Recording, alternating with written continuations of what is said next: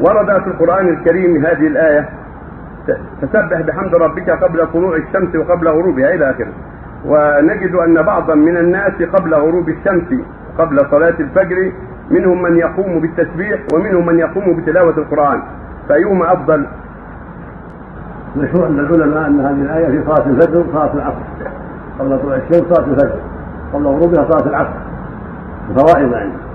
ولا مانع من الأخذ بعمومها فإذا سبح بعد الصبح قبل طلوع الشمس وذكر الله كما قال سبحان الله حيث تمسون حيث تصبحون وهكذا إذا ذكر الله بعد العصر هذا كله خير طيب.